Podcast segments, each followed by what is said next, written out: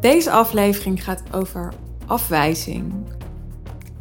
Een verhaal over afwijzing, een persoonlijk verhaal over afwijzing. En ik heb getwijfeld om deze aflevering op te nemen, omdat ik altijd denk als ik een onderwerp wil aansnijden met een beetje een negatieve connotatie. Ja, maar Suus, alles wat je aandacht geeft, groeit. En terwijl ik dat dacht, dacht ik ook gelijk: ja, maar dan ga ik er dus van uit dat afwijzing negatief is. En dat is maar een verhaal. Want ik geloof zelf inmiddels ook niet meer zo bijvoorbeeld in positieve en negatieve emoties. Je hebt wat fijnere emoties en je hebt wat meer moeilijke emoties. Maar door te zeggen positief en negatief, veroordeel je die emoties. Zelfs als je zegt het zijn positieve emoties, ook een soort oordeel. Hè? Dus de ene emotie is beter dan de ander. Dus ik dacht, misschien kan ik in deze aflevering juist die negatieve, tussen aanhalingstekens, connotatie van afwijzing afhalen. Het is namelijk niet per se negatief. Het is gewoon iets wat bij het leven hoort en zeker ook bij ondernemen hoort. En door het negatief te labelen, wordt het beladen en wordt de kans dat je de neiging hebt om het te gaan uh, vermijden groter. En dat wil je niet. Je business gaat nooit succesvoller worden door uh, vermijdingsstrategieën. Vandaar dus een wat lange intro naar mijn verhaal over afwijzing. Ik maakte namelijk deze week iets mee en ik dacht, ja, ik ga maar gewoon met je delen dat ik dus ook dit soort dingen meemaak. Want ik weet dat elke ondernemer dit soort dingen meemaakt. En op de dag dat ik deze podcast opneem, kreeg ik nog een berichtje van iemand die zei: Ja, ik, uh, ik hoor iedereen over je en uh, je bent zo populair nu. En uh, ik had deze week nog een sales call met iemand en die zei: Ja, eh, ik zie echt aan de lopende band klanten binnenhalen. En ehm, nou, ik heb dan. Dan gelijk de neiging om als soort van bescheiden te worden. Zo van, nou jongens, ja, uh, het gaat allemaal hartstikke goed. Het is allemaal hartstikke leuk zo. Maar uh, ja, hè, aan alles zitten gewoon meerdere kanten. Dus de ene dag uh, voel ik me wat meer on top of the world en gaat alles in flow fantastisch. En de andere dag denk ik weer, what the fuck, this is mess. Weet je dus dat, dat gaat ook hier alle kanten op.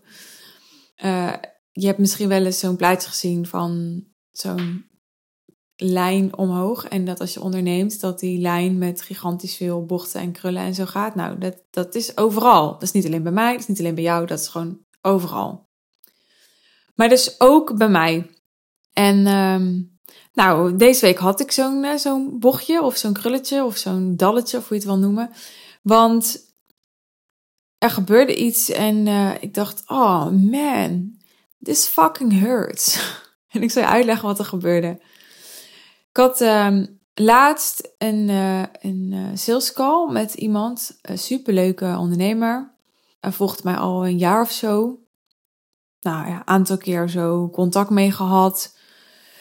Maar uh, niet eerder echt gebeld. Dus altijd een beetje zo wat vluchtiger op social media of wat, wat korter. En dan een tijdje niet. En dan maar iemand die dus mij al een tijdje in het vizier had. En ik wist ook wie zij was. En nou, nu kwam dan een moment dat, um, dat ik op Shanti, dat is het uh, communicatiesysteem, of uh, ik weet niet hoe ik het moet noemen.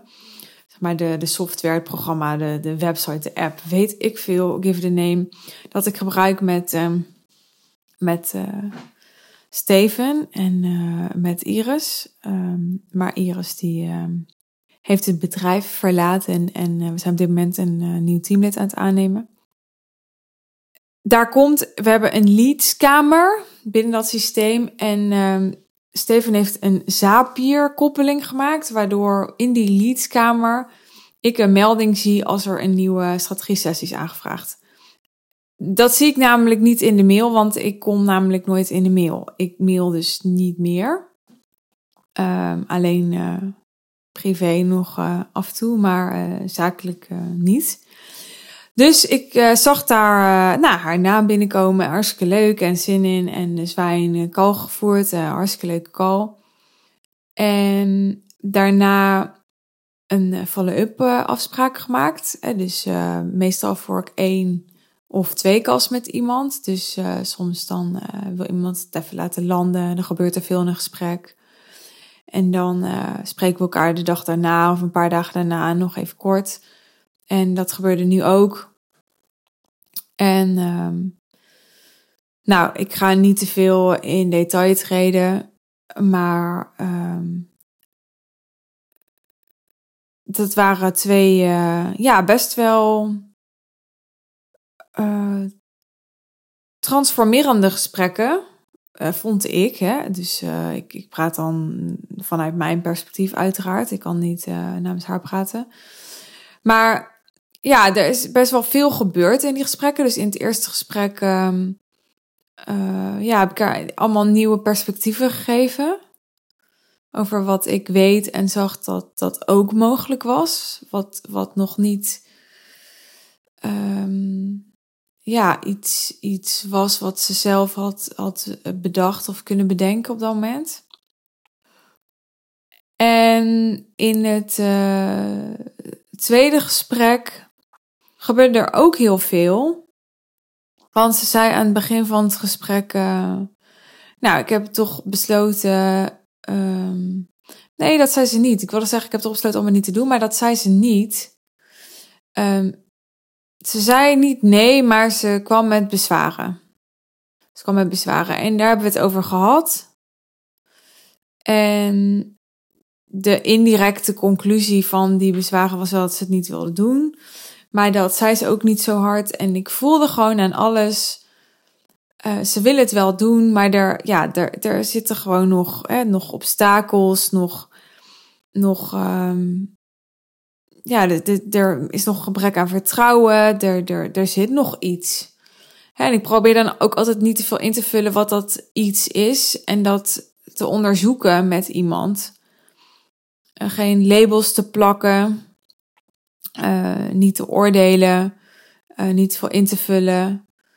Um, af en toe dan kan ik echt zeker even een, een statement maken of um, iets zeggen omdat ik denk, nou, volgens mij is het nu goed om dit aan je te spiegelen. Of omdat ik gewoon ja, uit ervaring weet hoe het werkt in de praktijk. En ik uh, vind dat ik dat dan moet noemen, omdat ik denk dat dat haar helpt. Uh, dus dat deed ik nu ook. En uh, we hebben toen voor een follow-up gesprek nog best wel een lang gesprek gehad. En aan het einde zei ze, ja, ik ga het doen. En ik vroeg aan haar, weet het zeker? En ze zei, ja, ik weet het zeker. En uh, nou, dan, uh, dan start de onboarding, onze onboarding. En dat wil zeggen dat je de overeenkomst krijgt voor onze samenwerking en de factuur voor de aanbetaling. En als je die overeenkomst hebt ondertekend en um, je hebt de factuur voor de aanbetaling voldaan, dan ben je officieel uh, een real dealer. En dan gaan we je verder onboorden. Dus dan geven we je informatie over data en over Voxer en over Facebook en over de online leeromgeving en over onze kick-off en hoe je die voorbereidt en uh, alles wat je moet en wilt weten om succesvol te zijn in het traject. En uh, bij haar kwamen we daar nog niet, want uh, ze had nog wat vragen over onze algemene voorwaarden. Dus nou, dat is helemaal prima en die hebben we beantwoord. En um, toen gaf ze aan van ja, uh, deze dag ben ik heel druk, dus ik, ik onderteken vanavond. En toen ging die avond voorbij en toen nou, s ochtends nog niet ondertekend. En ja, dan, dan weet ik al. Dus namelijk, komt niet zo heel vaak voor, maar de, de keren dat iemand onze procedure daarin brak. Ja, dat, dat, is, dat is altijd wel een red flag. Dus dan, dan hoef je er niet van uit te gaan dat het allemaal vanzelf wel goed komt. Want dat is dus niet zo dus als je gaat twijfelen over, goh, um, zou er iets zijn, dan is er over het algemeen ook iets. Nou, we hadden contact met haar, dus na drie dagen was dat. Dus uh, 48 uur nadat uh, uh, onze aanbetalingstermijn verstrijkt. Dat is namelijk 24 uur die we daarvoor ehm, hebben. Uh, dat, over, dat, dat communiceer ik uiteraard ook duidelijk. Dus dat, dat, daar hebben we het ook over. Als iemand ja zegt, dan leg ik ook uit vaak waarom dat is. Het is niet zo dat um, dat, dat uh, ja, zomaar is.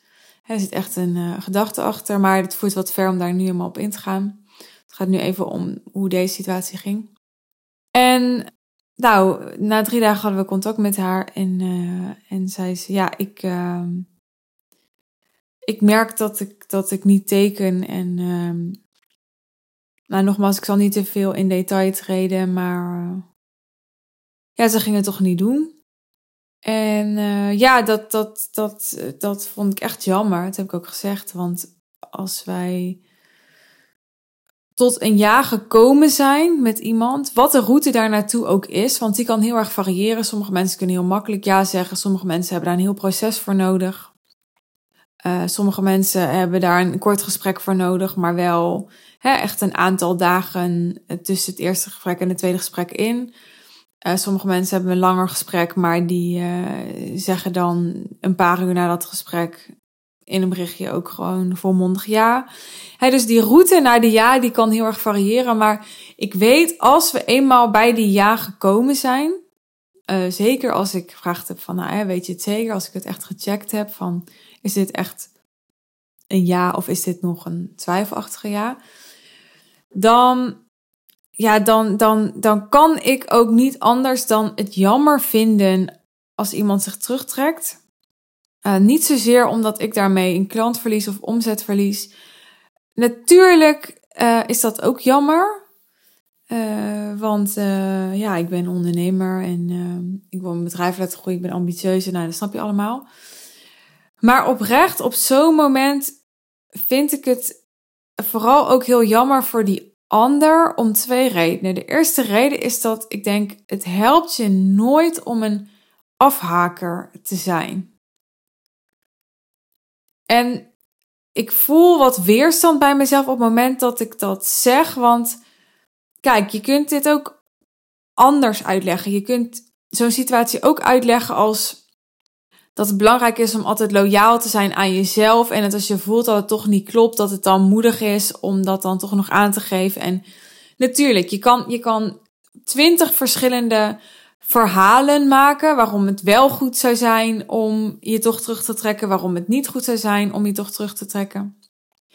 Maar mijn visie is dat, dat er een verschil zit tussen jou als mens en jou als ondernemer. En als jij als ondernemer onder mijn begeleiding, en dat klinkt dan misschien een beetje arrogant, maar daarin vertrouw ik mezelf gewoon heel erg en mijn verkoopervaring gewoon heel erg. Als jij onder mijn begeleiding een hele route hebt afgelegd naar een ja en je zegt dan ja en ik check het dan bij je, dan geloof ik echt met, met alles wat ik in me heb dat het je niet helpt om af te haken wat ik zie in de praktijk, als je zelf een afhaker bent, krijg je dat teruggespiegeld in je business. dus het is een soort gebrek aan vertrouwen, een gebrek aan commitment, wat je teruggespiegeld krijgt in je business. En nogmaals, natuurlijk zitten hier heel veel nuances aan, want het hangt er ook vanaf hoe je je terugtrekt. Ook dat kun je natuurlijk op, op 80 verschillende manieren doen. Hè, wat ik denk dat heel grond is en, en heel goed is om te doen in zo'n situatie, als je twijfelt, om wel uit te spreken dat je twijfelt. Dus niet denken, nou ik stop het maar weg, want ik heb ja gezegd en dan moet ik stoer zijn. Nee, ik nodig mensen ook altijd uit. Nou, ik zal het misschien ook wel eens een keer niet doen, maar mijn uitgangspunt is om mensen altijd uit te nodigen van, goh, hè, als je morgen wakker wordt en, en je hebt toch allemaal stemmen in je hoofd van wat de fuck heb ik nu gedaan? Stuur me gewoon even een berichtje. Maak verbinding daarover. Dan kunnen we het erover hebben en dan kan ik je daarbij begeleiden.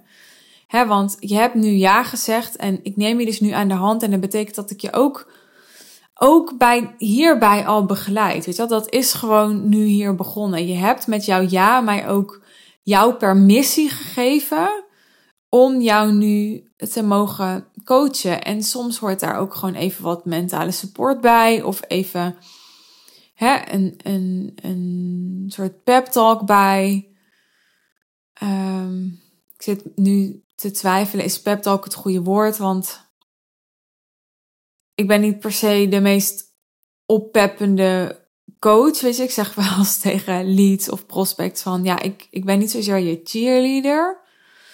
Natuurlijk moedig ik je aan, maar ik, ik ben niet iemand die gaat staan van, ja, je kan het en doe het maar. En uh, nee, dat, dat, dat, ik trek ook klanten aan die daar ook niet zo heel erg op zitten te wachten. Ik zit daar zelf ook niet zo erg op te wachten als coachie. Het hangt natuurlijk met elkaar samen vaak. waar je eigen behoefte zit, zo stel jij ook op naar je eigen klanten. Dus pep talk is misschien niet het goede woord, maar ik, ik ben er in ieder geval. Laat ik het zo zeggen. Dat, dat is al heel belangrijk, dat ik er gewoon ben en dat mensen voelen dat ik er ben.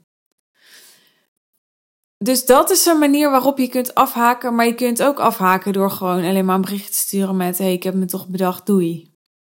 Hè? Ik chargeer even. En van alles ertussenin.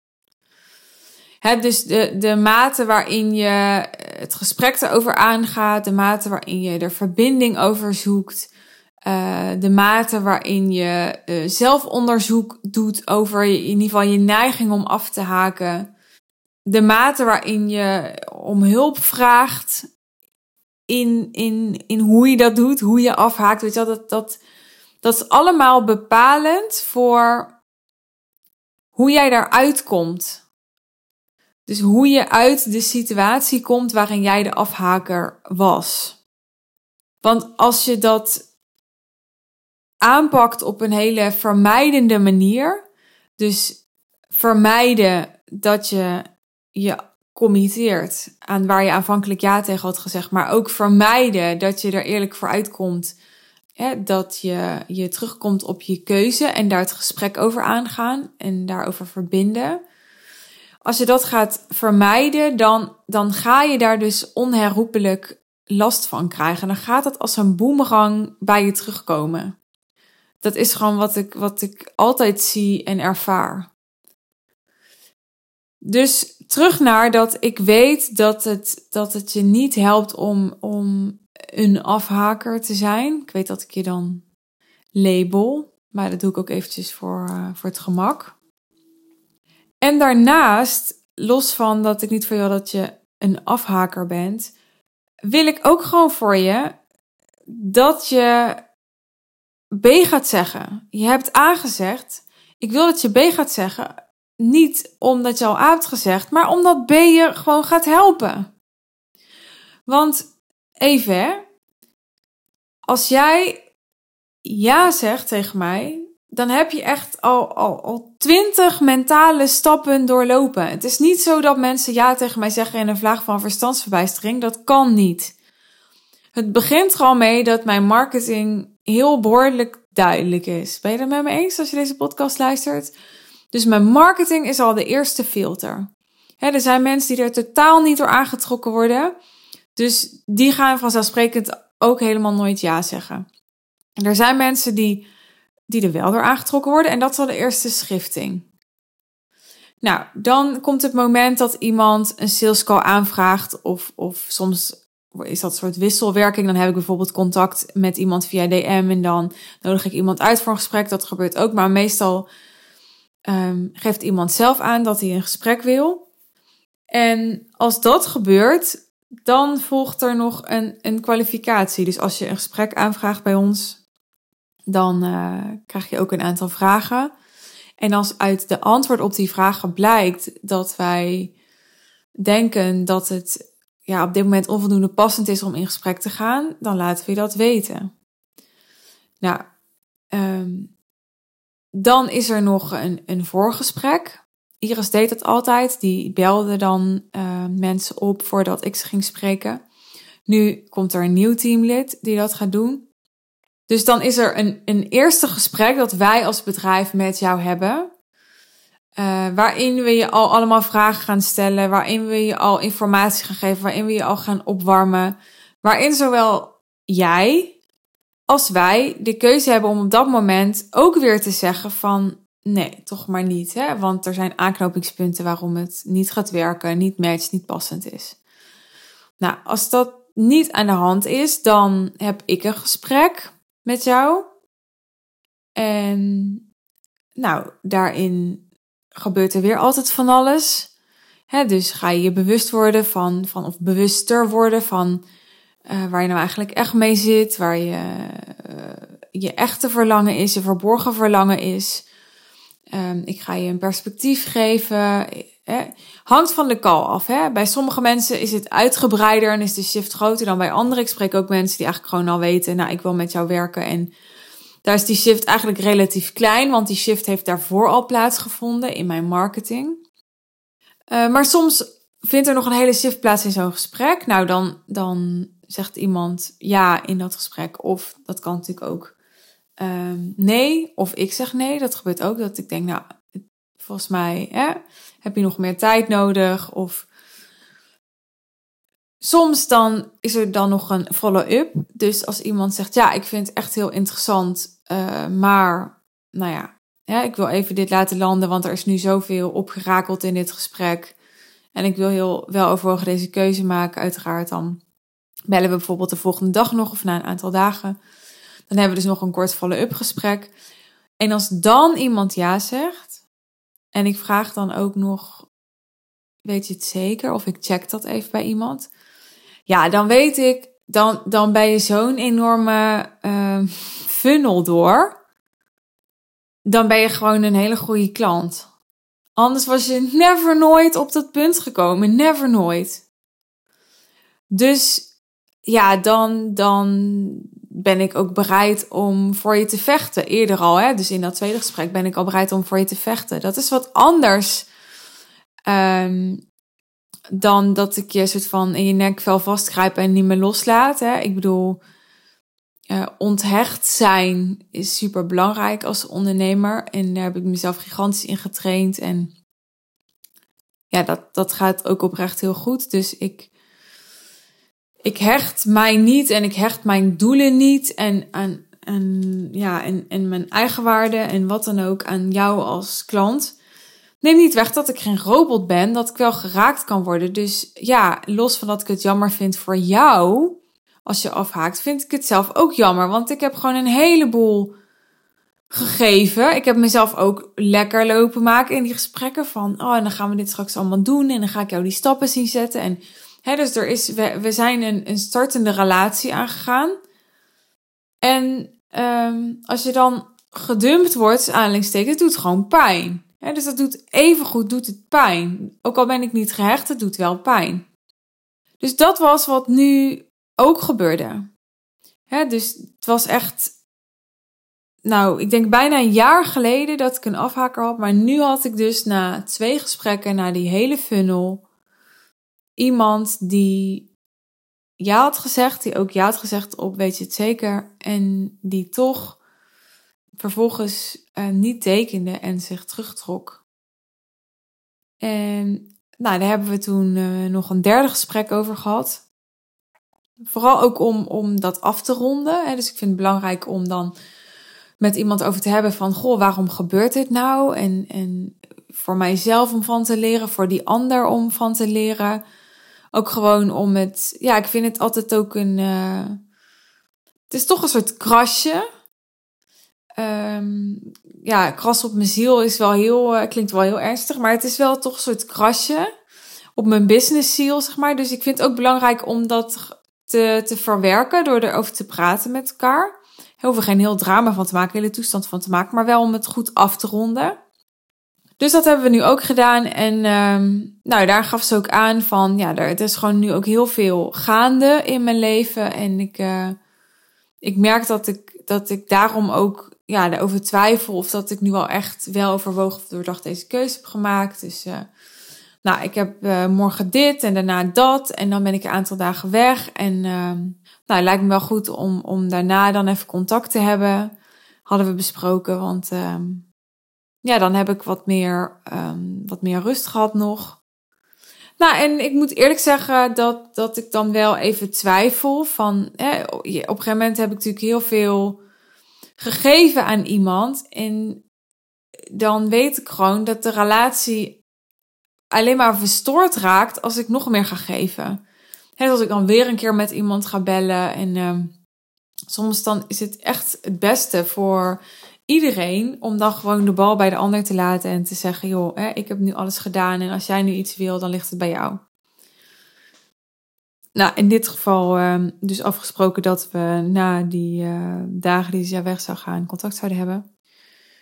En um, nou, ik, ik, uh, ja, ik, ik voelde echt. Ik vind het altijd hele intieme gesprekken, die verkoopgesprekken. Dus ik, ik leefde ook echt met haar mee en met waar ze doorheen ging. En ik had met Steven besproken van, nou, ik wil haar een kaartje sturen. En dus ik had een kaartje uitgezocht op Etsy. Echt iets wat ik, uh, ja, waarvan ik voelde, nou, dat wil ik aan haar sturen. En uh, tekst schrijven ervoor.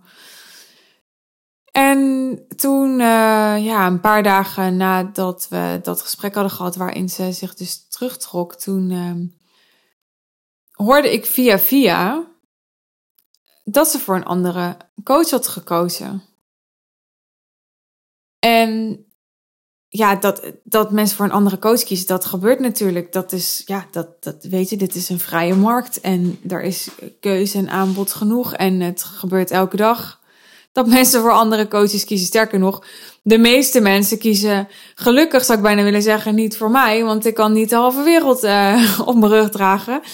Dus ja, weet je, daar is natuurlijk op zich niks mis mee, maar je begrijpt wel dat in, in dit licht, na dit hele pad dat ik met haar had afgelegd, dat ik echt, dat het echt wel een beetje voelde als een soort mes in mijn rug. Waarbij ik het uh, niet persoonlijk neem. Want, want ja, weet je, ik, ik heb op geen enkele manier het gevoel dat, dat het gaat helemaal niet over mij. Hè, dit, dit is.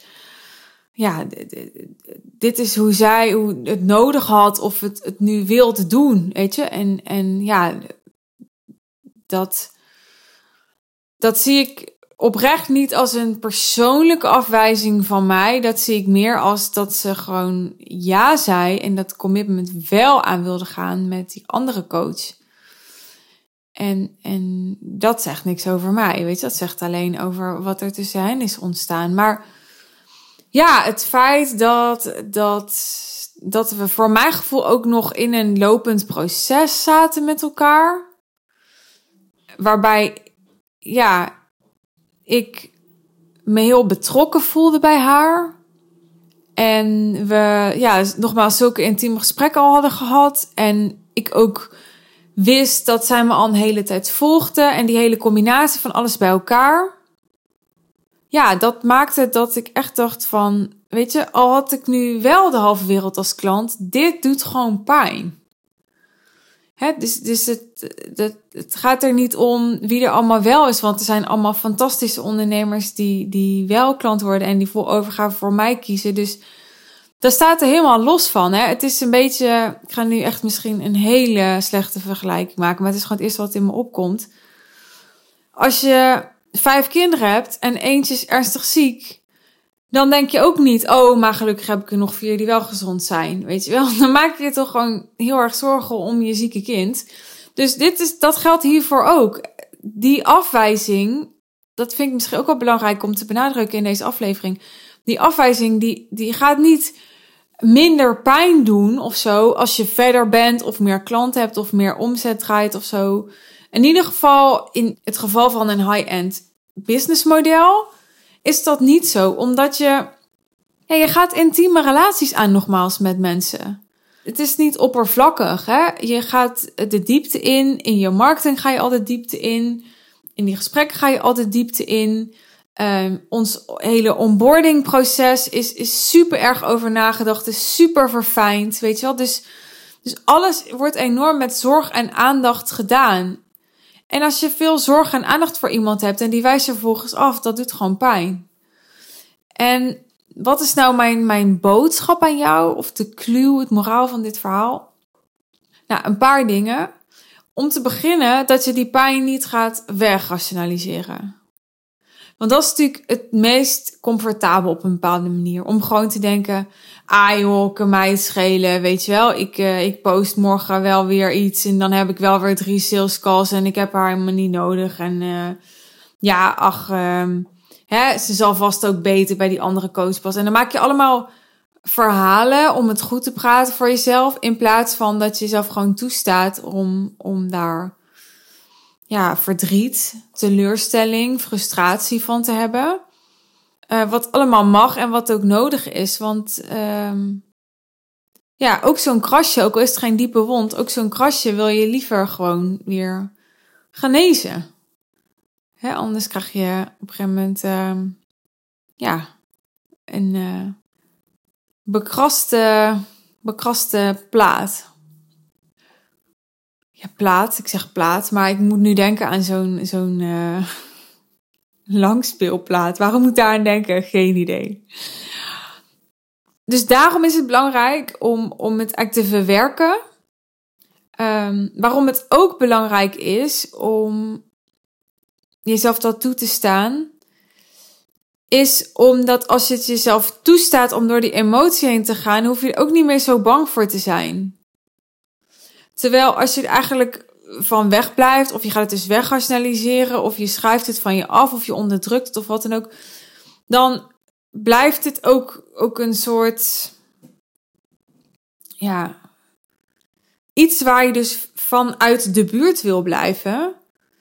Uh, wat er uiteindelijk in kan resulteren dat je onbewust bijvoorbeeld een blokkade kunt krijgen op überhaupt sales calls krijgen. Want ja, elke sales call levert het risico op dat je ook afgewezen kan worden. En als je daarvan weg wil blijven, ja, dan kan je beter ook call niet voeren.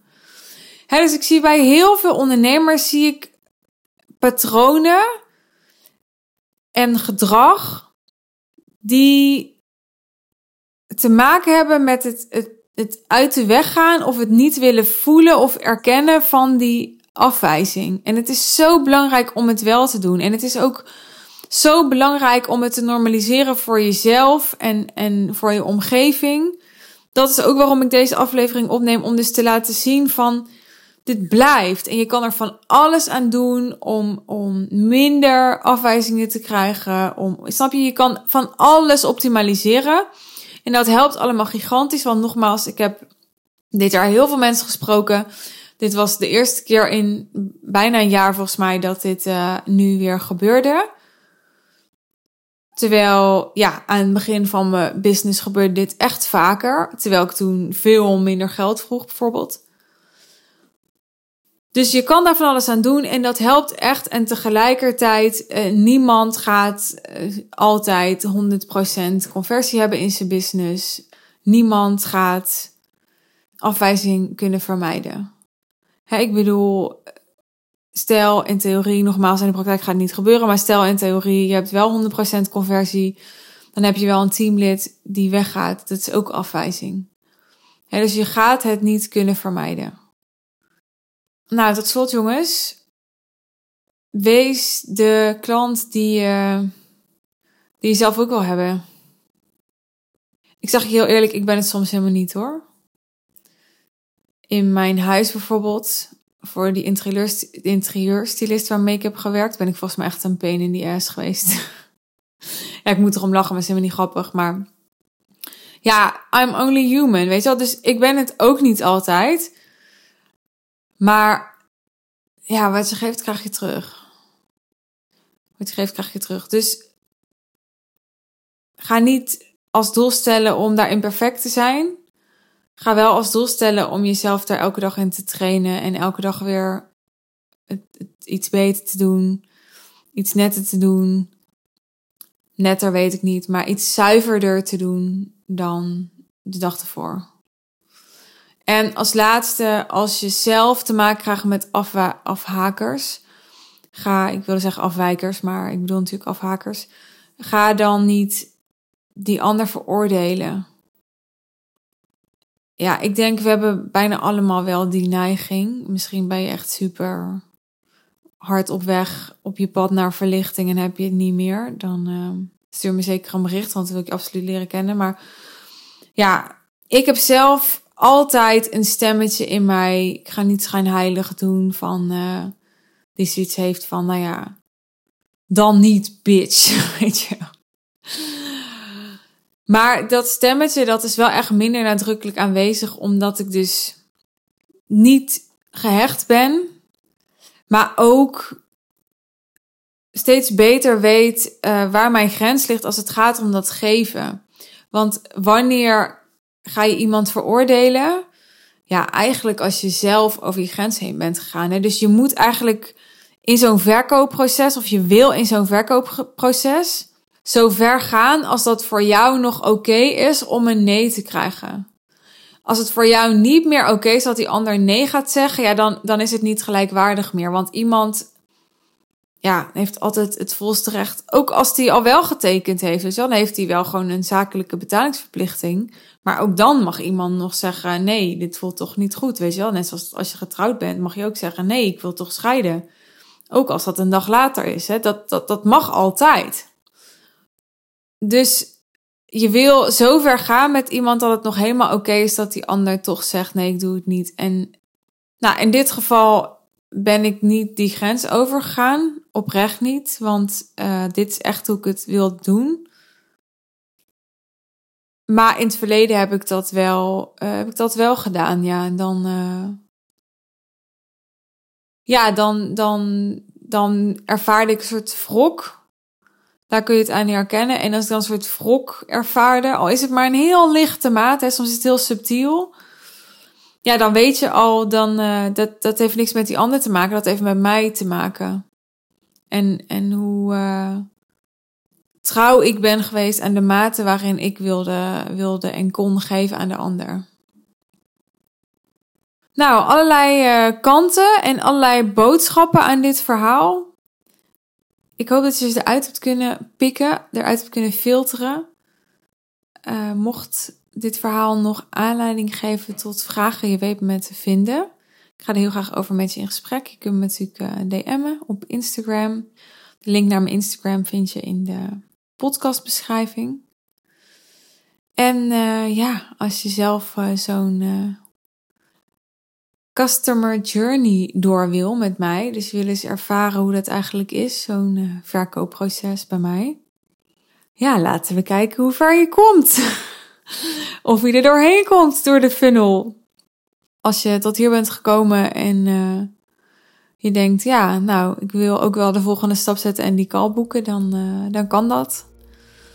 In de omschrijving bij deze aflevering vind je de link naar mijn business traject, The Real Deal. En op die pagina kun je je call boeken met ons. Dankjewel voor het luisteren. Ik hoop dat het je geholpen heeft en uh, graag tot de volgende keer.